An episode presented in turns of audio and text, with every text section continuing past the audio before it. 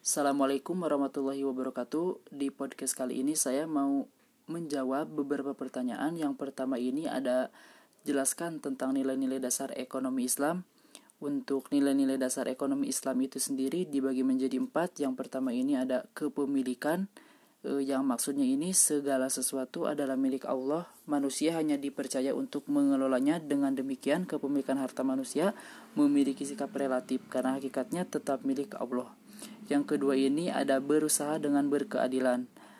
Maksudnya mencegah dengan penumpukan harta melalui dorongan untuk melakukan perniagaan atau investasi dan dorongan untuk menafkahkan sebagian hartanya untuk kepentingan sosial. Dan yang ketiga ini ada bekerja sama dalam kebaikan yang artinya ini mampu tolong menolong bahkan dalam kompetisi sekalipun harus dilakukan untuk kebaikan. Dan yang terakhir ini ada pertumbuhan yang seimbang, yang artinya ini pengelolaan harta dengan tetap memerhatikan keseimbangan spiritual dan kelestarian alam.